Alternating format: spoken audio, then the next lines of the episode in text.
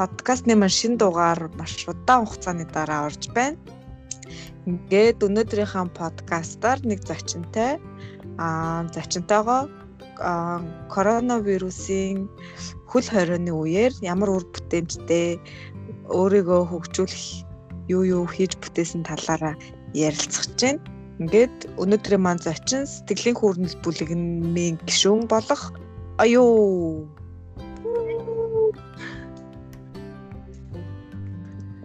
За өглөө өдөр орой шөнийн мэндийг хүргье. Гэтэ бит хоёр шүн подкаста хийж байна. За оюу эхлээд сонсогчд болон уншигчдаа өөрийгөө давчхан танилцуулъя. За бүгдээрээ сайн байцгаана уу? Намайг оюу гэдэг. Би сэтгэлийн хүүрнэлийн идэвхтэй болон заримдаа итгэхгүй бичигч байна. Яг одоогоор Австри улсын Спрук Инспрукийн сургуулийн оюутан суралцж байгаа. Одоогоор бүх хичээл онлайнаар явж байгаа. Ийм нэг жирийн Монгол хүн байна. За манай бас хичээл өдрө олгон онлайнаар явж байгаа. Аа одоо яг онлайнаар сурахын давуу талуудыг хоёлаа эхлээд гоё ярьж үзэх үү. Тэгээ. Оо миний хувьд бол онлайнаар сурахын том давуу тал би нөгөө нэг сургууль руугаа өмнө нь бараг нэг цаг явж галт тэргээр явж очдөг байсан. Онлайнаар явж байгаа нь болохоор сурж байгаа нь болохоор тэр цагаа ер нь бол химнээд нэг цаг 90 очих нэг цаг хоёр цагийн хугацааг арай өөр юм зарцуулаад эсвэл одоо хувь хүнийхээ хөгжил талтай өмсөл заримдаа зүгээр хийцгүүрээд кино үзэх ч юм уу тэр талаараа илүү ашиглаж сурч байгаа жоохон гайгүй интернет хурдтай интернеттэй байх л юм бүх юмаа зохицуулаад болж байгаа нэг таалагдчихж байгаа. Чиний хувьд яаж вэ? Ямар өөрчлөлт орж байна? Миний хувьд бас ер нь ялгаагүй. Би бас яг нэг талдаа цаг нөгөө талдаа буцаж ирэх гэж цаг 30 минут аа явдаг байсан сургуульдаа. Тэгээд аа бас нөгөө нэг уг нь лексос хичээлтэй байдаг мөртлөө би 5:30-аас босоод тэгээд хичээлээсээ бараг 40 минут өмнө сургууль дээр очиж байж идэг байсан юм. Хоцорч ирснээс одоо ингээл автобус унаа, хоцрох, техникийн доголдол үүсэх гэл янз бүрийн асуудал гарах юм бол хоцорч ирснээс гэж одоо юмэг яаж мэдвүгээ дандаа ихтэй очичдаг байсан. Тэгэхээр бараг л надад бас өдрийн маань 3 цагийг хэмжиж байгаа юм. 3-аас бараг илүү цагийг. Яагаад гэхээр одоо эмэгтэй хүмүүс чинь өдөр болгон хичээл сургууль ажилдаа явахгүй ч өглөө босно, нүрээ будан, өдрийнхөө хоолыг бэлдэн, өглөөнийхөө цайгаа уун гэх мэтчлээ амар хэцүү цагаа зарцуулж иж тэгээд гарч явж хичээлдээ очино гэд нилээ олон үе шат дараалтаа арга хэмжээг авч иж хичээлдээ очдөг байсан. Тэгсэн чинь одоо ингээд онлайнаар явхад бол зүгээр баргалж 9-с хичээлтэй болвол тийм зүгээр 8:30-аас бараг босол за баргалж болтгоо маа гэхэд 8:55 бараг босол зүгээр компьютерийн урд камера хаагаал нойр мөг сууж исэн чи амар их хугацаа өгöd байгаа л санагдаж байна л да. Тэгээд бас нэг юмн дээр нь гэх юм бол угаас нөгөө Австри Германд чинь байгаль орчин орчингоо хамгаалах тал дээр айгүй их арга хэмжээ авдсан шүү дээ. Тэгэхээр чамд бас тэр талаас жоохон харагдаж байна. Одоо жишээ нь тараах материал одоо онлайн сургууль дээр хэрвээ байж байхдаа хичээлээ үзчихсэн бол ингээл дандаа канадцсан цаас мас ч юм уу тиймэрхүү юмнууд өгдөг байсан бол одоо тэгэл бүх юм мэйлэр болсон чинь бас яг байгаль орчин хамгаалах тал дээр маань бас жоохон давуу талтай болчиход байгаа юм шиг харагдаад байгаа л та энэ онлайн хичээл маань. Тийм, ер нь бол яг Австри улс Германыг бодвол байгаль орчиндөө ээлтэй хандах тал дээр нэг жоохон арай нэг алхмын хойно алхдаг юм шиг санагдав. Ягаад тэгэхээр намайг Германд амьдардаг байхад Герман айл болгон жижигэн тосгонч бай, том тосгонч бай гэсэн ховоо ялгаж хайдаг ч юм уу тийм байсан. Тэгсэн чинь Австри улс яг энэ жилийн яг он гараал яг тийм хууль яг батлагдчихж байгаа байхгүй. Бүх айл болгон одоо хогоос хортолж хаях те байгаль орчинд ээлтэй болох талаар бүр бүр ингээ герман улс чинь одоо бүх хог могоо ялгаж хайдаг бол ичнэн удаж байгаа. Байлаа яг тэгэх юм бол тэрнтэй харьцуулах юм бол австри улс дөнгөж одоо ингээд байгаль орчныхаа одоо орчинд ээлтэй хандгахын тулд одоо яг тийм хууль яг саяхнаас он гараад тэр хууль нь хэрэгжиж эхэлж байгаа. Аа тэгээд их сургууль дээр жишээлбэл яг сайн канонцсон материал миний хувьд болохоор би бол оюутан болоод одоо нэг жил 1.5 жил болж байна. Гэтэ ерөөсөө нэг канонцсон материал багш нараас багш нараас ерөөсөө авч байгаагүй. Яг ингээд лекц мэгц юм уу семестр семестр одоо хичээл эхлэхээс өмнөхөн нэг бүх юм мэйлэр өчтдөг болохоор бүгдийг бүгдээрээ лаптоп дээр сууж байгаа. Ямар цаасны нөгөө нэг үргэлжлэхгүйгээр хичээл хийдэг байсан учраас яг хуу бүгдийн л мэйлэр аваад бүгдийн л тэгж хийдэг гэсэн түүнийг хайхтар тийм ялгаа харагдах уу. Гэхдээ бол одоо яг пандемикийн байдлаас болоод байгаль орчин агаар явж сайн сайжирч энэ одоо амьтад жишээлбэл яаж одоо амьдралд оролцож байна тэр юм дээр л аяус их юм харагдаж байгаа.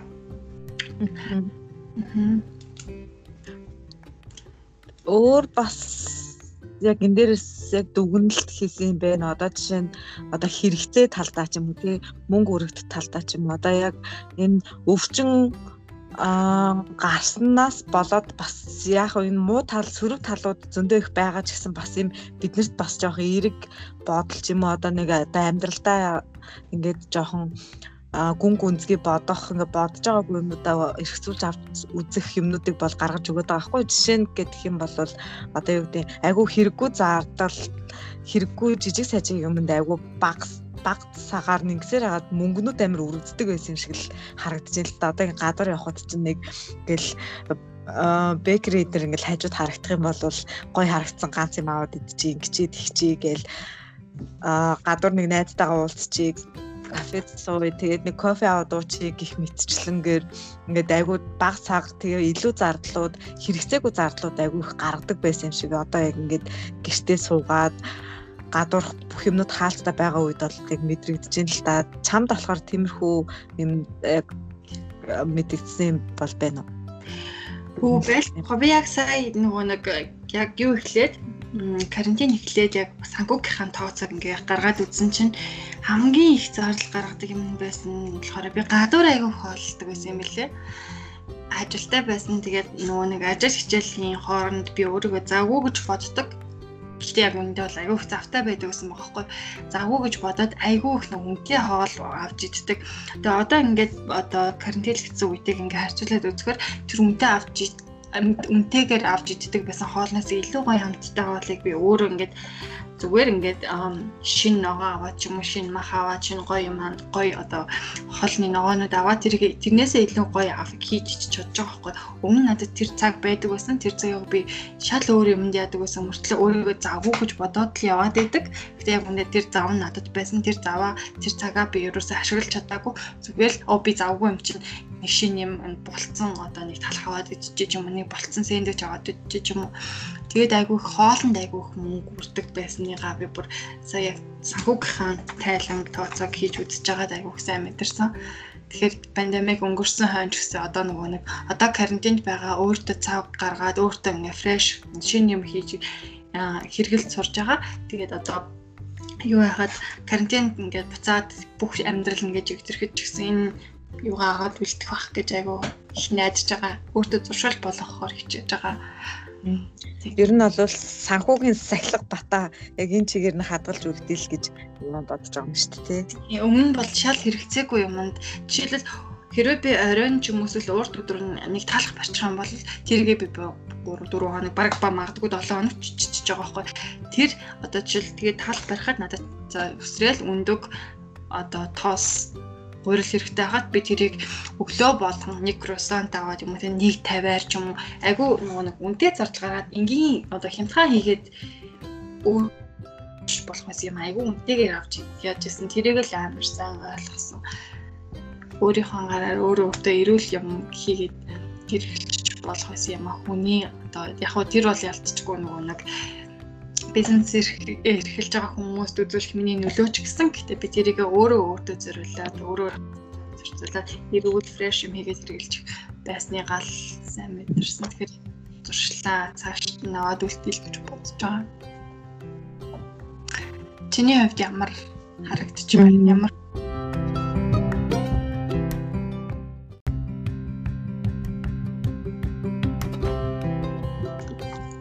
За миний хувьд гэх юм бол хоол хүнсэн дээр биш өөр юм дээр жижиг сажиг юм дээр бол айгүй харагдаж байгаа л та. Би угаасаа өглөөнөө хоолоо бэлдээд өдрөмн хичээл рүү аваа явчихдаг гэсэн. Эсвэл бол мен задаа айгүй хямдхнаар хоолчдаг гэсэн болохоор хоол хүнсэн дээр бол нэг ялгаа бол айгүй гарахгүй байгаа юм. Аа зүгээр жижиг сажиг юм дээр анзаарчихсан ч юм уу тиймэрхүү зүйл гэх юм бол юу бол харагдаж байгаа юм. Аа инээдтэй ч юм уу жижигхэн юм дээр маань болохоор аа одоо ингээд хүн чинь ингээд айгүй их гоо сайхны юм хум хэргэлдэг байсан мэн. Тэр ерөөсөө нүүрээ будахгүй болохоор гоо сайхны юм нэмж авахгүй юм байна. Дэлгүүр айгүй их ордог байсан байна. Дэлгүүр орж шопинг хийхдээ одоо тий сэтгэл хөдлөлөөрөө айгүй их юм худалдаж авдаг. Одоо эмэгтэй хүмүүсийг нэг жоохон тийм шоолсон нэг хошин үг байдаг штэ. Эмэгтэй хүн талах авахгүй ч ороод илсэн чихэр юу юу юу тийм тийм юм авчаад гараад ирдэг гэдэг шиг зүгээр нэг за джинс өмд авъя гэл дэлгүүр хийсэн гүтлээ шал өөр подоолк цаамц юу ч юм пүүз мүүз авчаа гараад ирсэн байдаг шиг. Дэлгүүр ороод одоо хувц мувц авдаг байсан хэрэглээг мань таньж байгаа юм. Тэгээ байгаа юмда байгаа юмудаа тохируулж өмсөөд байгаа юмгаа өмсөөл одоо үгс гарахгүй байгаа ч юм чи дандаа гэрийн хувцал өмсчлээ л та гэжтэй болоод тэгэл дан гэрийн хувц өмсөж байгаа дээр ч гэсэндээ хаажиглагдж байгаа зүйл их юм бол яг гэрийн хувцнууд ингээл бүгд л нэг л цэнхэр саарал цагаан өнгөтэй хувцнууд байгаа болохоор бүгд өмсөн хувцнуудаа нийлүүлж байгаа л 7 хоногт нэг удаа угаачих юм. За тэрэнд гэх юм бол өнгө өнгөөр нь ялгаж хийхгүй 2 3 удаа угаалах юм шиг ажиллахгүй 2 3 удаа вок өрөхгүйгээр адилхан өнгийн хувцнуудыг хийгээд эргүүлэхэд ус болон фокондоо бол хэмнэлттэй санагдчихж байгаа юм. Аа. Тэгэхээр ер нь бол яг энэ коронагийн үеэр бас одоо сүүлийн үед айгүй их түгээмэл болоод байгаа зүйл болох нөгөө минимал минимал амьдралын хэв маяг буюу тий айгу цомхон амьдарцгаая гэдэг шиг айгу тийм цөөхөн юмтай тэрэндээ цөөхөн аа яг хэрэгэлдэг зүйлсүүдээ л яг хэрэглээд амьдарцгаая гэсэн юмуд одоо тэр тэрэн шиг амьдрал одоо яг хөл хорионы үед маань бол биднэрт амар хэрэгтэй байгаа нь яг тэр нь бол айгүй зөв амьдрал юм байна гэдгийг маань бол биднэрт юм мессеж өгч байгаа юм л да. Жишээ нь гэх юм бол одоо хүн те хар цагаан улаан чирнэл яган подол гэхнээ ингээ хар сараачгийн цамц өөр өөр юм юмны хувцастай байснаас дандаа хүмүүсдэг өөрийнхөө стилийн гурван цагаан өөр өөр подолк өөр стилийн подолк тэнгуүтлээ нэг саарл подолк нэг усан цэнхэр өнгийн подолктай байх юм бол бүгдээр ингээ хамтд нэг хийгээд угаачна гэдэг нь бол бас тэгээд эдийн засгийн хувьд ч гэсэн хэмнэлттэй болчихж байгаа. Цаг хугацааны хувьд ч гэсэн бид нарт айгүй хэмнэлттэй байх юм шиг санагдаж байгаа юм л да. Тэгэхээр одоо юу гэдэг тэрэн дээрээ яг өмсдөг нэг ижилдэн өнгийн джинснүүд аа одоо адилхан өнгийн хантаазнууд ч гэдэг юм те. Яг нэг өмсдөг нэг хитгэн яг тиймэрхүү юмтай олчих юм бол биднэрт бол айгүй давуу тал болоод болоод явж байгаа юм шиг санагдсан л та. За дараагийн одоо чамаас асуух асуулт гэх юм бол яг энэ нөхцөл байдалтай уялдуулаад а яг өөртөө байгаа үнэт зүйлээ ч юм уу эсвэл бол өрдний ерөөсөө мэдэрдэггүй үнэлдэггүй байсан зүйлүүдээ ойлгож авсан зүйлүүд байна уу? Жишээ нь гэх юм бол би болохоор яг өөрийнхөө нөхцөл байдал яг энэ Германд үүсэж байгаа энэ зүйлээс шалтгаалаад хүн яг өөрийнхөө эрхчлөлөөг ерөөсөө мэдгүй байсан гэдгийг бол ойлгосон баггүй. Хүн болго эрхчлөлөөд нөгөө байгаа байгаа зүйлдээ ерөөсөө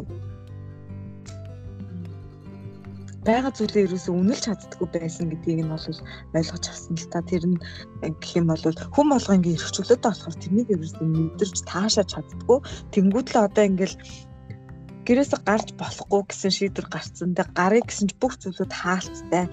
Хоёроос дээш хүмүүлдэж болохгүй гэсэн болохоор найз нөхөд хамаатаа садантайгаа очиж уулзч хүүхдүүдтэй тоглож чадахгүй болсон юм нөхцөл байдал үүссэн болохоор ингээд миний эрхчлөө ингээд боогдоод байгаа болохоор эрхчлөө гэдэг зүйл хүний хувьд те ямар айгу үн цэнтэй хэрэгцээтэй зүйл болохыг нь бол яг энэ нөхцөл байдал хөл хорионы үеэр бол айгу ойлгосон л та. Тэгэхээр хүн болгонд байдаг хэрнээ хүмүүс ерөөсөө тэрнийг үнэлж болон таашаалж чаддггүй байсан байсныг нь хүмүүст ингээ ойлгуулчихж байгаа бол гэж бодож байна. Гэтэ яг зарим хүмүүс бол ойлгоогүй ч юм уу те? Энэ талаас нь харж чадаагүй. Энэ одоо дандаа коронагийн тий сөрөг болон би ажилгүй болчлаа би мөнгөгүй болчлаа би гарч чадахгүй байна ингэж чадахгүй байна. Миний нөхцөл байдал ингээ хаагдсан гэсэн. Муу сөрөг талуудыг нь харж байгаа ч гэсэндээ яг боддоор ингээ эргээр хараад ямар мессежийг биднэрт өгч ийн гэдгийг нь харах юм бол бас давуу талууд бол айгүй харагдаад байгаа хгүй. Аа тэгээд над шиг одоо энэ эрхчлөө гэдэг зүйл айгүй чухал зүйл байсан байна гэдгийг нөхцөлд уялдуулаа бодож байгаа шиг. Чиний яг энэ хөл хорионы үеэр коронавирусын үеэр ойлгож авсан чухал зүйлсүүд чинь юу байсан бэ? хамгийн нэгдүгээр миний бодож байгаагаар ерөөсөө нийгмийн амьдралыг бүр амар их чухал зүйл байсан юм байна гэдгийг л айгуу сайн ойлгож авч байна. Яг тэгэхээр өмнө нь одоо яг ингээд энэ пандемик байхгүй карантин байхгүй үед би чинь нөгөө нэг өөрөө өөрийнхөө одоо ирч хүчийг бусад хүмүүсээс олж авдаг байсан юм байна. Нэг найзтайгаа уулзаад жишээлбэл нэг кофе шопд уулзаад нөгөө хүнтэйгээ харилцаад одоо яг гэртээ уулзах боломжгүй л юм л да яг. А тэр үедээ болохоор нэг кафе дугаа кофе ууд суунгаан мэдээлэл солилцдог. Тэ хээ юу байна чамаар юу байна ч юм уус л одоо энэ чинь юм юм байлаа шүү тийм юм байлаа шүү. Найзууд нэг суухтаа нэг шинэ мэдээлэл солилцдог шүү. Эсвэл одоо нэг гадуур ингээд кофе уугаа сууж явахдаа ч юм уу эсвэл зүгээр юм мэдээ сууж явахдаа хүмүүстэй танилцдаг ч юм уу эсвэл өөр өөр оюутнуудтай ингээд танилцах тэр яг нийгмийн амьдралд орж орж чадахгүй байгаа болохоор тэр амьдрал маань амар үн цэнтэй би бусад хүмүүсээр ингээд өөрийгөө бас ингээд эрч хүчээр цэнгэлдэг байсан юм байна гэдгийг амар сайн ойлгож авч байгаа. Тэгээд чамтай бас айгүй санал нэх байна. Яг эрх чөлөөгүй байдал байдал айгүй их нөгөө хэцүү байдаг байм аа гэдгийг айгүй сайн ойлгож авсан. Өмнө нь бол ингээл дуртай үедээ гараал тийш авч гүгээл, ийшээ авч гүгээл ингээл спортоор хичээллээр тэнч тийм теннисч тоглоод энд очиж ингээл дугуй унаал ингэдэг байсан бол одоо бүх юм хориотой болцсон чинь миний эрх чөлөө гэдэг юм чинь надад бүр асар үнэтэй байсан юм биш үү? Би эрх чөлөөгүй болохоор гэртээ ингээл ганцаараа байгаад эсвэл гэртээ л ингээ байгаад над хөгжих боломжгүй байна гэдэг нэг тийм бодол орж ирдэг байхгүй. Одоо жишээлбэл нэг жишээн дээр ярих юм бол яг карантин эхэлснээс хойш би ингээд яг өөрийнхөө насны ингээ 3 хүнтэй амьдардаг. Гурлаа ингээ хамтдаа ингээд пандемик одоо энэ карантины байдлаа ингээд жоохон ингээд эргээр ашиглыг санаад ингээд гүүж хэлэхгүй юу яг жоохон кросс гүүх гүүх гөөгээд тэгээд нөгөө нэг ийм скейт скейт парк гэдэг тийм скейт парк паркн дээр очиж нөгөө нэг ингээд жоохон ингээд сонголтын дасгал хийдэг. 10-аас 20 минут. Тэгээ ингээд хийдэг байсан чи битэд яг бид нар яг 10 минут 10 хоног тэгэж яг хийгээд тэгээ сүүлд нэг очисон чинь нэг 2 3 хоног засвар эргээ очисон чинь нөгөө нэг спорт хийдэг талбайг мань бүр ингээд карантинлсан бүр ингээд хаццсан бүр ингээд бүх ингээд скотч скотч наагаад нөгөө нэг энэ талбайг одоо карантин дуустал ингээд хааж байгаа гэсэн тэмдэг тавьсан байсан. Тэгэхээр өмнө бид нар эрх чөлөөтэй зүгээр ингээд ямар ч үе тийшээ ороод ингээд тэр талбайг ингээд хэрэгэлдэг байсан бол одоо ингээд би хэдийг хүсэж байсан ч гэсэн тэр талбай ингээд хориотой болсон учраас тэр нь ингээд нөгөө миний эрх чөлөө байсан юм байна гэдэг ухтгууны надад амарсан солиож өгсөн. Тэгэхээр бас яг чиний хэлдгээр эрх чөлөө бид нарт амар чухал хэрэгтэй байсан юм байна гэдгийг л юу сайн ойлгосон даа. Би бас яг чиний төвшүүлсэн санаа бомлох юм нийгмийн оролцоо гэдэг миний би бас яг нэрхчлөө гэдэг шиг яг өөр өөрөө өөр дөрөө буулгаад яг авч үзсэн болохоор надад энэ болохоор амьд харилцаа гэсэн яг бүр байхгүй. Гэхээр тий одоо хэдий би энд ингээд агуу цөөхөн хүн таньдаг Монголдо байгаагаас илүү бага хүмүүстэй ингээд цагийг өнгөрөөж байгаа ч гэсэндээ ингээл гэр бүлийнхэн руугаа уцтаал хамаатан саад Монгол дагаа найзууд руугаа нэг байнга ярьж чадахгүй байгаа ч гэсэндээ ингээ ярьцдаг байсан. А тэглээ гээд ингээд ерөөсөө нутгаа санаж байгаа ч юм уу тийм амир тиймэрхүү зүйлд өртчдгүү байсны маань айгүй нэг чухал зүйл нь гэх юм бол чи угаасаа ингээд амьд харилцаатай Монгол найз нөхдөдтэй ингээд хамаатан садантайгаа ч юм уу те үйл ах махтаа уулзаад ийм амьд харилцаатай байсан болохоор бас нэг э, нутаг усаа гэр бүллээ ч юм уу те санахгүй байсан юм шиг санагдаж байгаа. Гэхдээ ингээл хэдий ингээл бүгд ингээл тус тустай гэр гэртээ карантинлэгдсэн нэг 7 8 км-ийн цаана байгаа ч гэсэндээ уулзаж чадахгүй ханаа төрөгчгүүдээ замдаа явж аваад өвчөө авчгүүдээ ч гэдэг юм уу. Тим зүйлээс болоод найз нөхөд хамаат садантайгаа уулзч чадахгүй байгаа. Тэгтээ угаас байгаа тэг ганцаарх нэг гэрте байгаад ахаар ер нь бол хүнд яалтчгүй амьд харилцаа гэдэг зүйл байх хэрэгтэй байна гэдгийг бол ойлгож авсан. Тийм тэр бол ялцчихгүй үнэхээр хүний амьдралд аягүй хэрэгтэй зүйл юм байна. Өмнө би юусоо бид нар үн цэнийг ойлгодоггүй байсан юм байна. Бид нар нөгөө нэг өмнө тэгэл ардчлал мардчлал гэж яриад л идэг байсан мөртлөө эрхчлөөнийхөө яг яг эрхчлөө гэж яг юу юм бэ гэдгийг ойлгодоггүй байсан байгаа байхгүй. Тэгэхээр одоо яг энэ COVID-19 гэдэг энэ том дэлхийн цар тахалчин биднэрт эрхчлөө хүнд ямар хэрэгтэй вэ гэдгийг аягүй сайн мэдрүүлж өгсөн тэр нь айгүй талархуу штэ. Зөндөө олон зүйлсийг бид нар одоо эдийн засгийн хувьд зөндөө эдийн засгийн хувьд одоо хувь хүний хөгжлийн хувьд ч гэсэн ингээ зөндөө олон юм алдчихж байгаа ч гэсэн тэрнтэйгээ зөрүүлээд олж байгаа юм айгүйх байгаа. Тэр нь хамгийн чухал юм нь эрхчлөө бид нарт ямар үн цэнтэй вэ гэдгийг л айгүй сайн мэдрүүлж өгч байгаа юм шиг санагдсан та. Чи түрүүн нөгөө нэг нэг жишээ авч ярьсан шүү дээ. Аа амтны хүрэлэн амьтын тэрнийхээ гандлаар тавтаад яриач. Мм Одоо нөгөө нэг бид нар ч ингээд карантинд ороод яг нэг 2 гарам 2 би олж шилэл одоо ингээд 2 сар гарan одоо 3 сар гарan карантинлэгдэж байна. Тэг ингээд 3 сар ингээд карантинлахад надад бүр ингээд айгүй хэцүү байгаа байхгүй ингээд хаашаач явж болохгүй. Ямар ч найзтайгаа ингээд уулзаж болохгүй, хинтээж уулзаж болохгүй, хинтээж ингээд харилцаанд орж болохгүй. Энэ нөхцөлд бид нэр ийм хэцүү ингээд мэдрэмж авч байгаа юм чинь бүхэл бүхэл бүтэн насаараа ингээд карантинд байдаг амьтны хүрээлэнтэй адилхан мэдрэмж төрж байгаа байхгүй.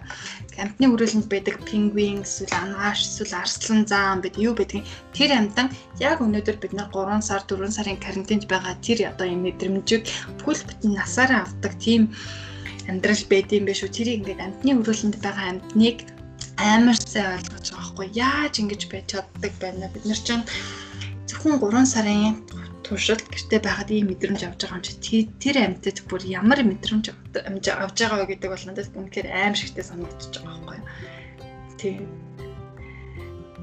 Амар ирхчлээгүй хаагдсан боогдсон зүгээр л ингээл өөрөө би ингээл хин нэг нэг авчрал хайрцагт хийцсэн юм шиг тийм мэдрэмж авч байгаа болохоор тэдгээр амьтад ч гэсэн яг бид нартай ингээд адилхан мэдрэмж авч байгаа учраас бид нар бусад амьтад одоо дэлхий дээр оршин тогтнодог амьтдын авдаг тэр мэдрэмжийг адилхан яг бид нар яг хэрвээ чи бид нар шиг нөхцөл жишээлбэл амьтны хүрээлэнгийн арслангийн оронд байсан бол насаараа энэ мэдрэмжийг аваад үзтээ гэсэн ч юм уу нэг тийм тийм мэдрэмжийг давхар авч байгаа учраас амар том сургамж амар том хичээл болж өгч байгаа юм шиг надад санагдсан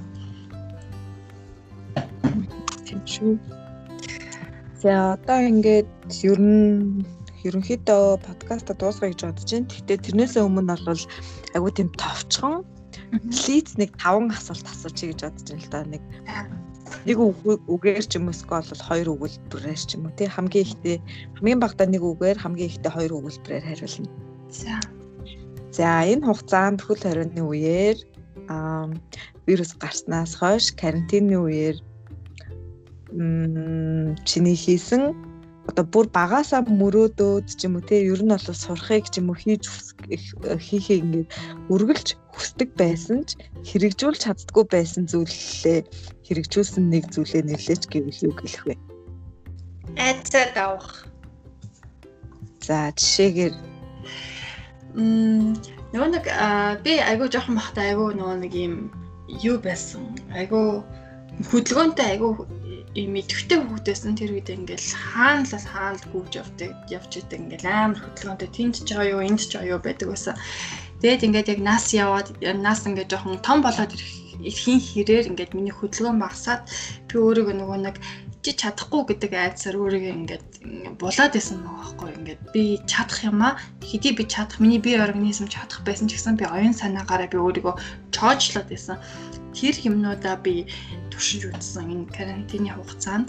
Тэгэхээр яг яагаад вэ гэхлээр би нөгөө хувь өөнийхөө хөгжлийн хувьд одоо жишээлбэл карантин ингээ эхлээд эхлэнгуут би нөгөө айгүйх цаг завтай болцсон хичээл нам ажил ажил мэдээж хэрэг бүх юм карантинлэгдсэн надад хичээлийнхээс өөр ингээд ямар ч одоо заавал хийх шаардлагатай зүйлгүй болсон учраас би өөр зүйлүүд дээр би ингээд анхаарлаа өгөөд өөр юмар хөгжих боломжтой болсон. Тэгээд нөгөө нэг багаасаа хийжсэн, багтаа хийж чаддаг байсан мөртлөө одоо хийж чадхаа болсон юмудаа туршиж үзэхэр шийдсэн баггүй. Тэрний нэгдүгээрт нь болохоор би нөгөө нэг одоо жоохон бат акробат иргэн гээл ярьдаг байсан тий. Акробат иргээл мост унаал одоо гар мар дээр алхаад ч юм уу тэр мэрийг ингээд том болоод том болохынхаа ихээр би чадахгүй би ингээд амар ингээд том болцсон миний яс том болцсон би ингээд харгалцсан юм чи нэг чадахгүй гэж боддог байсан ч гэсэн хизээш туршиж үзэж байгаагүй туршиж үзэхээс айдаг байсан. Хэрвээ нэг акробат иргээд эсвэл гарн дээрээ тогтоод ингээд үзэх юм бол би унчих юм бол одоо ингээд хөл гараа булгалчиж магадгүй магадгүй хугалчиж магадгүй гэсэн айдсыг би өөрөө өөртөө хиймлэр үүсгэжсэн байгаа байхгүй. Тэгээ яг карантинд орж ирсэн эхэлсэнс эхлээд энэ цаг хугацааг би ашиглаж ашиглах ёстой юм байна гэж бодоод туршаад үзсэн чинь миний бие организм нэг санах хой гэж байдаг юм байна л да. Тэр нь ингээд санаж исэн мартаагүй. Тэгээд би эхлээд яг ихний 1 2 удаа да фейлдсэн. Сүүлдээ ингээд нөгөө нэг уухгүй ингээд туршаад үзээд хахаар би чаддаг юм байна. Би чад би айх ямар ч шаардлагагүй байсан юм байна. Би ингээд өөрөө өөртөө химлэр айдас үсгээд байсан юм байна гэдгийг амар сайн мэдэрсэн. Тэгээд амар олон ингээд туршиж үзсний нөгөө нэг өмнө жоохон бахтай хийж чаддаг байсан юмудаа эргэж чаддаг болсон Тэр нь айгу амар нэг өөр өөрөөр бахархах сэтлийг төрүүлсэн надад лөө. Тэгэхээр хуучныхаа чадамжийг эргээд одоогийнхаа биорганизм захируулж авсанд амар баяртай байгаа. Чиний хувьд ямар ололт амжилт байв? Миний хувьд бол бүр жоохноос өсөж мөрөөдөг байсан ч ерөөсөө өдийг хүртэл чадахгүй байсан зүйл болохоор ойл гүнж ирсэн юм.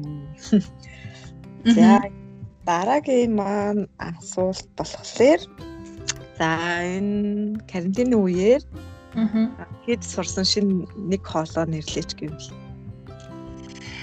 аа би ер нь бол э, хоол хүнсийн тал дээр зөндөө олон жор туршиж үзсэн. Яг яг тийм юм гэж бол хэлж мэдэхгүй байна. Гэхдээ яг өөрийн яг тийм гэх юм бол яг өөрийн нөгөө нэг бүүргэр нэмах бэлдэх аргатай болсон.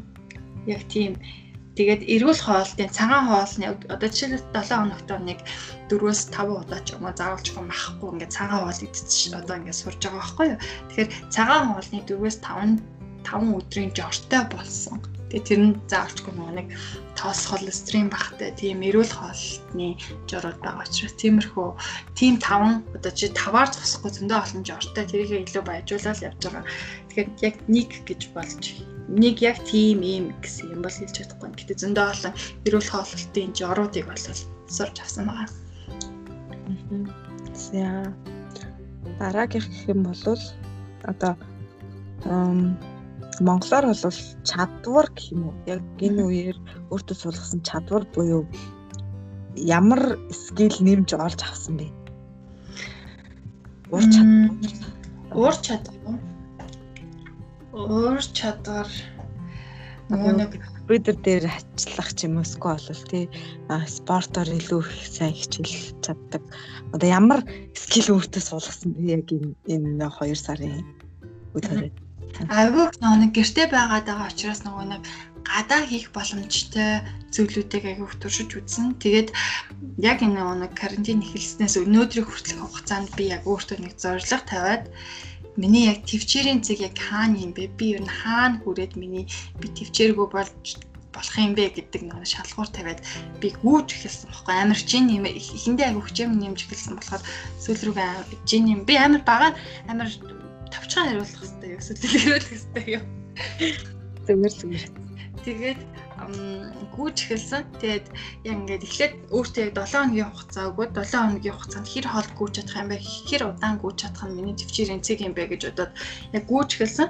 Тэгээд эхлээд ингээд нөгөө нэг гүйгээд эхэлсэн чи би яг эхлээл нэг 4 5 минут болол би бүр ингээм амар шантраад эхэлсэн байхгүй би ингээд амар ядраад байна миний ингээ би үг нь бол ингээл яваал байгаа хгүй. Гэхдээ миний тарих бүр надад хэлээд чи чадахгүй яг одоо зогс ингээл чи чадахгүй чи ядраад байна чи бахартаад байна чи амар амьсгаад байна гэд Тэгээд ингээд эхний 2 3 хоногтой ингээд бууж өгөөдсэн. Миний зорилт бол эхэндээ 4-өөс 3-аас 4 км гүйх байсан байхгүй. Эхний эхний 2 хоногт амар шантраад 5 минутгүйгээр болцсон би ингээд амар бахартаад ингээд бөөр мөр өвдөдөөсөн болохоор болцсон. Тэгээд сүүл рүүгээ ингээд жоохон сэтгэл зүйн талаар ингээд уншаад үзсэн чи бидний хувьд тарих нөгөө нэг comfortable comfort zone гэдэг ярьдаг шүү дээ тий. Ингээ тухтай байдал дуртай. Тарих бол нэг амар залхуу ингээ чамаг аль болох ингээ залхууруулаа чамаг аль болох нөгөө нэг ингээд хэвийн байдал чи чадахгүй гэсэн ингээ няцаах одоо байдал айгүй дуртай байдаг. Тэрийг болохоор хэрвээ чи тархиа ингээд ингээд зөв захирч чадах юм бол чиний тархи юунд тархи бол компьютерийн юу гэдэг компьютерийн нэг процесс гэдэг үг лээ. Процессор гэдэг үг лээ. Тэрэн шиг байдаг. Хэрвээ чи тэрийг өдөртөж чамаал чиний биеийг яаж шал яаж хөдөлгөж чадна. Тэгээд нөгөө би өөртөө яг 7 хоногийн хугацаа өгөөд хэрвээ энэ 7 хоногийн хугацаанд би чадах юм бол энэ яг миний амьдралдаа л болж чадна гэд яг ингээд 4 км гэдэг юу байгаа. Хиндээ бол амар их бууж өгчсэн. Миний би ингээд цаашаа гүгөөд байсан ч гэсэн таарх ингээд чи чадахгүй чи ядарч जैन чи ингээд амар хүлэрч जैन чи одоо амьсгаад जैन сангаж जैन бол яг тэр хүрээл бол гэд. Тэг ингээд тех тусам өөртөө жоохон мотивашн өгвөл те Үгүй би заавалчгүй би надад зорсон зорилго байгаа. Тэр хүртэл болоо. Тэр хүлээд болно гэж өөрийгөө ингэж өвсөр хагаад яг ингээд 7 хоногийн хугацаа 7 хоногийн сүүл хүртэл ингээд яг 7 хоног хийснийхаа дараа би яг нөгөө нэг зорсон зорилготой хүрч зорсон өдөр 4 км гүйцэрсэн. Одоо тэгээ сүүл рүүгээ болохоор яг нөгөө өглөө бараг босохдоо би яг ингээд бараг гүүхэ хүлээгээд нэг гүүх юм бол сэтгэл санаа нэг амар сайхан болчоод яг зорилготой хүрсэн учраас тархиныхаа залхуурлыг даваад дав давч тэр нь л хамгийн том болтол гэж бодож байна. Тэгвэл нь бол Тийм дараачихаа яг асуултан дээр яг хувь хүнийхэн хөгжлийн тал дээр юугаа дээшлүүлсэн бэ гэж яг асуух гэсэн чинь болохоор яг өөрийнхөө ур чадвар болон хувь хүний хөгжлийн тал дээр дээшлүүлсэн зүйл чинь яг ингээ нэг болчих шиг л боллоо л доо. Чиний хувьд ямар байсан бэ? Чи бас ямар нэгэн би харин өөрийгөө компьютер дээр айгу авьяастай гэдгийг яг амар сайн ойлгосон. Тэгээд тэр чад тэдний тэрнийгээ гэсэн нэлээд хөгжүүлээд аа постэр бэлдэх ямар нэгэн бүтээлч CV бичих тэгэл компьютер график дээр болол үнэхээр өөрийгөө хөгжүүлж чадах инфографик хийж үзлээ хийж чадах юм байна. Энэ яг энэ салбарт яг орох юм бол чадах юм байна гэдгийг бол ойлгосон. Тэгээд ямарсан нэг сар тасралтгүй а Герман хэл өөрөө сурах онлайн сургалтын пэйж дээр өдрөө болгон нэг постэр оруулж исэн. Аа тэгээд бэлдэж сурсан. За тэгээд нэг номын ишлэлүүдийн темплейт гаргаад тэрэн дээрээ бараг 30 юм уу 40 бараг пост бэлдсэн. Тэгээд Remax-ийн нэг пэйжийг хөгжүүлжсэн. Тэгээд тэрэн дээрээ бас байрны зарлалын темплейт юу нь бол бэлдэж сурсан. Гэхдээ тэрнийг бол манай Facebook хэрэглэгч нар маань дэмжээг байгаа.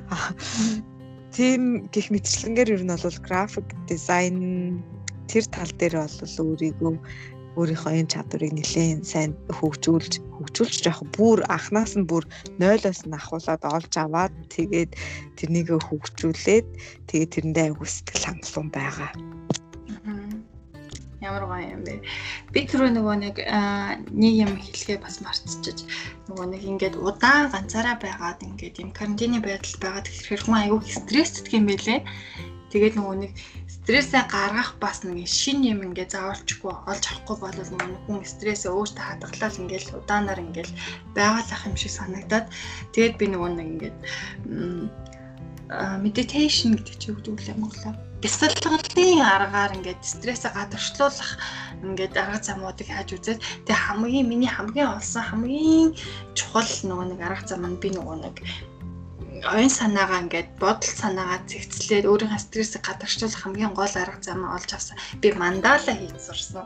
Яг ингээл нэг дуртай бас ч юм нэг темпер ингээд одоо өөрийнхөө хүссэн одоо хээг гаргаад нэг юм бөөнийхий дотор өөрийнхөө хүссэн өөрийнхөө юу мэдэрч байгаагаа тэрийг ингээд гаргах гэдэг бол амар их цаг ордог. Тэгээд дээрэс нь стрессийг бол үнэхээр нөгөө нэг хүмүүс ч стрессээ тайлах гал ингээл нэг хөөсөн цэр базаал ингээл уурлаа судаг штэ. Тэрнээс хамаагүй ингээд нөгөө нэг үр дүнтэй ингээд бүтээлчээр гаргаж байгаа нь айгүй таалагдсан. Тэгээд энэнийхээ төлөө айгүй цагийг зарцуулж айгүй олон мандала хийн дээр айгүй ажилласан. Тэр нь амар надад бол аим би тэр тэрийг хийж сурсандаа амар баяртай байгаа. Маш их баяртай байгаа. Стрессээ гадагшлуулж сурсан. Гэтэ бүтээлчээр гадагшлуулж сурсан. Яг хоёр талдаа л юм ба штэ тий. Стрессэж гадагшлуулна нөгөө талаар болохоор тий зурх будах одоо юу гэдэг өнгө хүний зах зээл дизайн тал дээр болохоор тэр чадвараа бол дээшлэлж байгаа байхгүй. За одоо ингээд сүүлийн асуултыг гэж. Чи шүү дээ яг энэ карантины хөл хорионы а коронавирус ковид-19 гэсэн өвчнийг биш үү? Яг өөрийнхөө зүгээс яг таван үгээр тодорхойл гэвэл яг энэ өвчнөд хамаагүй одоо чиний сурч чадсан өөртөө хөвчүүлсэн зуршилж байсан болно хамаагүй зүгээр яг 5 үгээр тодорхойл гэвэл 5 үгээр биш 5 поинтер тодорхойлж болох уу? 5 үгээр үгэнд гэхээр айгу баригдчихад айгу тодорхойлоход айгу хэцүү юм аа. За загцсан туршаад үзье, оролдоод үзье. Нэгдүгээрт аа энэ нь нөгөө нэг асуудал гэхээсээ илүү биднэрт боломж юм шиг санагдаж байна. Өөрөө өөрийгөө хувь хүний хөгжил талдаа ч юм уу те а хөгжүүлэх нэг боломж өөрөө өөртөө гав ганцаараа байхдаа ингээд өөрийгөө хөгжүүлэх боломж хоёрдугаарт нь болохоор энэ нь болохоор нөгөө нэг амьдралдаа эргцүүлэл хийх бас айгүй том одоо чамд өгч байгаа одоо таанаас ч гэдгийг те бурхан байдаг бол бурханаас өгж байгаа шанс. Чи амьдрал байдалж байгаа байхгүй тий. Тий амьдралдаа амьдралаа яг одоо амьдралдаа яг хүснээрээ амьдарч байна уу? Эсвэл хүссэн юм хийж байна уу? Хүссэн одоо мэрэгчлэрээ суралцж байна эсвэл хүссэн мэрэгчлэрээ ажиллаж байна ч юм уу? Тий аль бол бүх юмд ингээд эргцүүлэн бодох ингээ хугацаа өгж байгаа уртаа сурт хугацаа өгж байгаа боломж юм шиг санагдаж байна хоёрдугаар гуравдугаар болохоор нөгөө нэг эрүүл амьдрахад айгүй нөгөө нэг юм эрүүл амьдрах боломжийг ингээд цаанаас олгож байгаа байхгүй юу. Тэгээд дөрөвдүгээр болохоор байгаль орчин одоо чиний хувьд ямар чухал байсан юм бэ гэдгийг бүх хүмүүс ингээд мэдрүүлж байгаа ах гэж би бас яг байна. Өмнө нь бид нар чинь хайрлагдах талаар л бодоод байсан болохоос биш байгаль орчноо яаж хайрлах вэ гэж цөөн хідэн хүмүүс хэлжсэн болохоос дэлхийн нийтээр ингээд байгаль орчин чи ингэж бохирдоод ингэж байгаа юм бэ гэдэг зүрх сэтгэлээс ингэж юусоо мэдэрч байгаагүй шүү дээ. Одоо энэ цаг хугацаа бол байгаль орчин ч өмнө ийм амар бохирдолтой байж байгаад энэ карантины хугацаанд ан амьтад байгаль орчин чи ингэж өөрөө өөрийнхөө эрхчлөлөө мэдэрдэг юм байна. Хүмүүсийн одоо муу одоо нөлөөлөлгүйгээр ингэж өөрийгөө сайхан зөвшөөрч чадчих. Байгаль орчин ийм л байх хэрэгтэй гэдгийг харуулж чадчих байгаа юм шиг санагдаж байгаа давтахт нь болохоор хүмүүс эрх чөлөөгүй байдлыг үнэлж сурах хэрэгтэй юм шиг санагдаж байна да. Эрх чөлөөгүй байна гэдэг ямар хэцүү байдгийг л мэдэх цаг хугацаанд болсон болоод яг хүмүүст дэлхийн ертөнцид ийм одоо тахал нүрэлсэн юм болоо даа л гэж би бодлоо да. Чиний хувьд юу гэж байна? Чиний хувьд өөрийнхөө зүгээс тавих тавц шаардлага. Таван би энэ дээр биш нөгөө нэг түрүүн подкаст огнолттой бичиж эхлээд ер нь бол баг дундаа орсон байсан чинь подкаст маань бичигдээгүй рекординг хийгээгүй байна гэдгийг мэдэнгүүтлээ бид хоёрын амар гой гой хэлсэн санаанууд маань устчихсан. Тэгээд дахиж хэлье гэсэн чинь тэр мань гарч ирэхгүй юм л да. Тэгэхээр би яг нэг өөрийнхөө яг нэг төвшүүлсэн нэг санаагаа яг хэлээд подкаста дуусгачих гэж бодож байна. Тэгээд яг энэ аа яг энэ вирусны улмаас яг надад бол төрсөн нэг айгүй том дүгнэлт гэх юм бол хүн өөрийнхөө хүсэл болон хэрэгцээг бол ялгаж салгаж сурах хэрэгтэй юм шиг яг санагдаж байна. Яг энэ нөхцөл байдалд орсноороо би ч өөрөө тэрнийг үзлээ. Тэгээ хүмүүсийг ч гэсэндээ тэгэрээ гэж уриалмаар байна. Тэгэхээр хүмүүс яг өөрийнхөө хүсэж байгаа зүйлийг энэ бол миний хэрэгцээ гэж андуурдгаа болвол а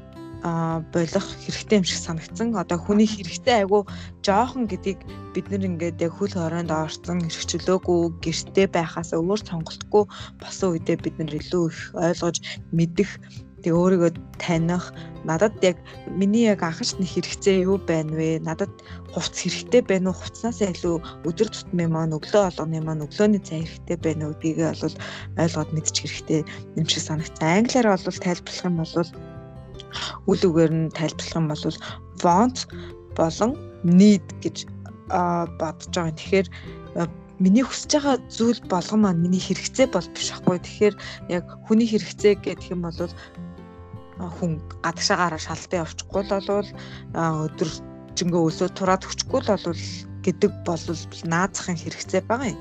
А тэгэхээр ингээ хүсэл маань болохоор зүгээр хүн өглөөнийхэн цайгаа ууцсан ч гэсэндээ хажтруугаа явж байхдаа айгүй тийм гоё бекеригийн хажуугаар явхдаа энийг идчих юмсаа энэ кофег уучих юмсаа шинэ юм кофений төрөл гарсан байж энийг ингэчих юмсаа өө шинэ хувцсны юм гарсан байж энийг өмсөд үзчих юмсаа гэсэн энэ хүслээ болохоор хэрэгцээ маань гэж андуурангуутлаа айгүй тэрэндээ айгүй их мөнгө болон цаг хугацаагаа айгүй их зарцуулт юм шиг санагдаад тийм болохоор одоо хүн болгоо яг иймэрхүү одоо яг өөрсөндөө байгаа нөхцөл байдалтай тулгуурлаад яг миний яг үнэхээр яг наад захын маань хэрэгцээ юу байна болон энэ зүгээр хараад авахыг хүсэж байгаа зүйл маань яг миний хэрэгцээ юу эсвэл зүгээр л миний хүсэл үг гэдэг зүйлсээ ялгаж салгаас үлчих юм бол тий коронавирус дууссан ч гэсэн бид нэр ингийн амьдралдаа буцаад орсон ч гэсэн яг энэ яг шийдвэрээ хэрэгжүүлээд өргөжлүүлээ явах юм бол айгүй эрүүл болон зөв зохистой болон хэмнэлттэй байгаль орчиндөө ээлтэй амьдрах юм шиг санагдсан. Зин яалтчгүй шууд тэгээд нөгөө нэг ийм нэг үг байдаг. Чиний худалдаж аваагүй юм болгон одоо байгаль хийдэ ээлтэй гэсэн үг шүү гэдэг. It's not necessary to buy new clothes гэдэг. Энэ айгуу надад амар надад миний хувьд хөв хүний хувьд надад бүр айгуу нөгөө нэг юу агуу туссан байхгүй яг л хэрэг ямар ч хэрэгцээгүй шин загварын юу гарчлаа шин загварын кет гарчлаа окей би гоё харагдахын тулд заавалчгүй нэг худалдаж авах хэрэгтэй. Гэхдээ одоо зөндөө олон 10 хэдэн гутал байгаа учраас би яагаад заавал шин загварын тэр гутлыг худалдаж авах хэрэгтэй юм бэ гэдэг бодлыг надад энэ коронагийн хугацаанд миний тархинд агуу суулгаж өгсөн болохоор агуу бас тэр тал дээр агуу баяртай байгаа надад өөртөө өөр өөртөө ухаарлыг хайлах тэр бүх орчин нөхцөлийг бүрдүүлж өгсөн болохоор. Аа За ингээд яриа левел яриа л дуусахгүй байх юм шиг байна. Гэхдээ бид хоёр бол ер нь өргөжлүүлээд дахиад 2 юм уу 3 бас подкаст ер нь бол хийчих гэсэн төлөвлөгөөтэй байгаа. Яагаад гэхээр бид хоёр үзэл бодол амар нийлдэг. Тэгээд айгүй их олон шин санаа болон шин тусч үзсэн зүйл, зуршил тогтоох одоо хүндтэй ямар нэгэн урам зориг өгөх, мотивац өгөх тиймэрхүү зүйлүүдийн талаар айгүйх санал нийлдэг болохоор уг нь бол подкастт 20-30 минут төлөвлөсөн боловч одоо баг подкаст эвлүүлээд үзэхээр баг 45 ч юм уу 40-45 минутын подкаст бол болно ах гэж бодож байна. Гэтэ ер нь бол таадыг уйдаахгүйгээр айгүй хүр ашигтай бас айгүй гэгээлэг подкаст болсон байх гэж бодож байна. Яг иймэрхүү нөхцөл байдалд байгаа хаасаагүй дэлхийн нийтийн нөхцөл байдалд байгаа үед бол аюу тийм гэгээлэг дандаа давуу тал болон биднэрт дандаа хэрэгтэй эрг нөлөөллийг харсан подкаст болсон байх гэж бодож байна. Тийм болохоор ингээд айгу адилхан үзэл бодолтой хүмүүс болохоор өргөжлөл яриалаа яриал баймаар байна. Гэхдээ дараа дараагийнхын подкастаар илүү өөр өөр гой санаа төвшүүлээд илүү өөр гой зочидтойгоор өөр гой шинэ подкастаар үргэлжлүүлээд уулзъя гэж хэлмээр байна. За баяу сонсогчд болон уншигч нартаа хандаж хэлэх үг. Тийм, ер нь бол өөрийнхөө хэлхий гэсэн санаануудыг ерөнхийдөө өмнө нь бүгдийг хилчгэлээ. Гэхдээ хамгийн том юм нь болохоор карантин гэдэг болвол бүх хүмүүсийг блоклоод байгаа байгаа газарт ингээд ингээд хориод байгаа юм биш хэрвээ эргээр харж чадах юм бол энэ таныг бусдаасаа одоо өөрийнхөө амьдарч байгаа одоогийнхоо амьдралд дүн дүгнэлт хийгээд одоо тэгээ бусдаасаа тасрах эсвэл өмнө нь хийж үзэх юмсан гэж бодоод байдаг мөртлөө хийж юусоо үзээгүй тэр бүх одоо зүйлүүдийгээ туршиж үзэх амар маш том боломж шүү. Тэгэхээр энэ боломжийг ашиглаад өөрөө өөртөө одоо боломжит нөхцөл байдлыг бүрдүүлээд энэ жаахан ч гэсэн хугацааг эргээр хараад үзээсээ бүгдээрээ ингэж чадах юм бол энэ цаг хугацааг бүгдийг ашигтайгаар өнгөрүүлж чадна шүү. Тэгэхээр өөр өөрийнхөө төлөө зөрөгтэй алхам хийгээд үзээрэй гэж л л да. За баярлаа.